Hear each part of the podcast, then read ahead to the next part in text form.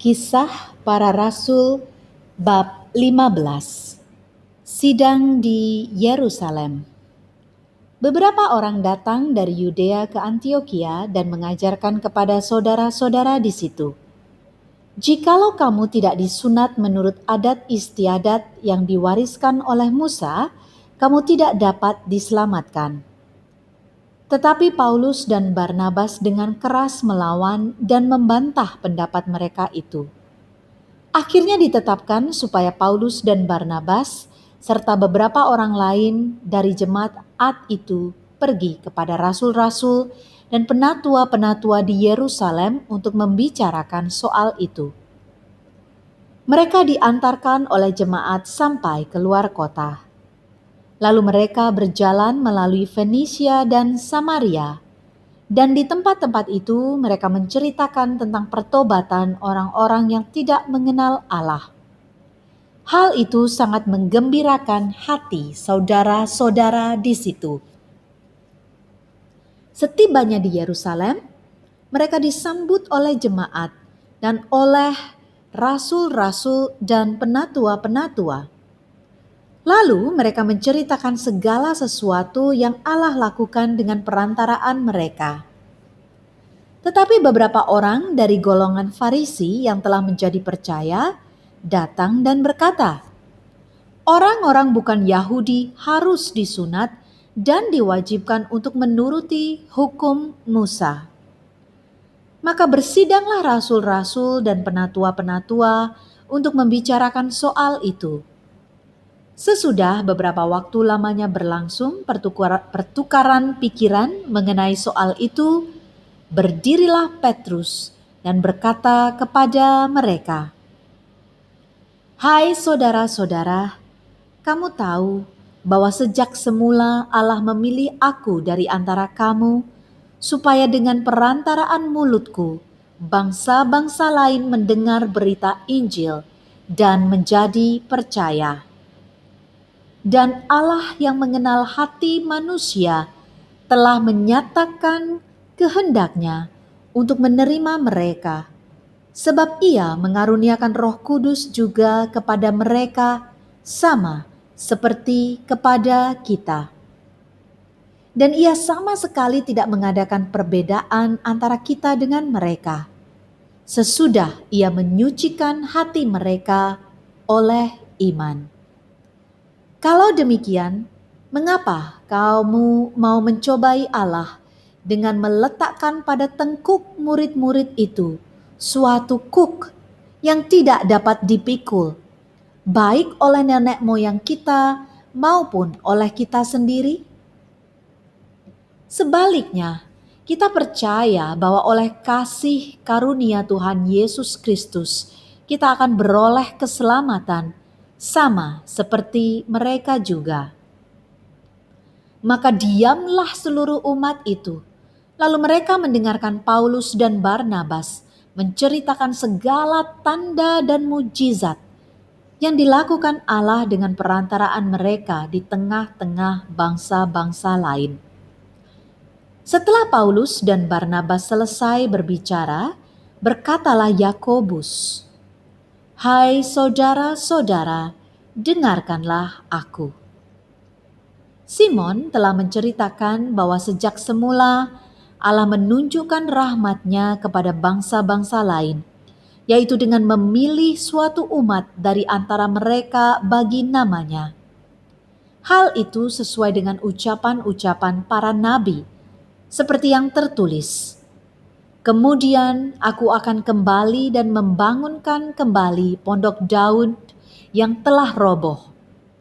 Dan reruntuhannya akan kubangun kembali dan akan kuteguhkan. Supaya semua orang lain mencari Tuhan dan segala bangsa yang tidak mengenal Allah yang kusebut milikku. Demikianlah firman Tuhan yang melakukan semuanya ini yang telah diketahui dari sejak semula. Sebab itu, aku berpendapat bahwa kita tidak boleh menimbulkan kesulitan bagi mereka dari bangsa-bangsa lain yang berbalik kepada Allah.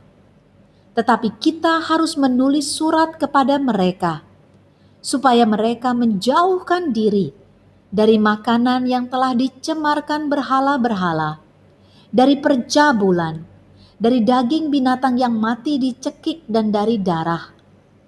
Sebab sejak zaman dahulu hukum Musa diberitakan di tiap-tiap kota dan sampai sekarang hukum itu dibacakan tiap-tiap hari Sabat di rumah-rumah ibadat. Jawab kepada Antioquia. Maka rasul-rasul dan penatua-penatua beserta seluruh jemaat itu mengambil keputusan untuk memilih dari antara mereka beberapa orang yang akan diutus ke Antioquia bersama-sama dengan Paulus dan Barnabas, yaitu Yudas yang disebut Barsabas dan Silas.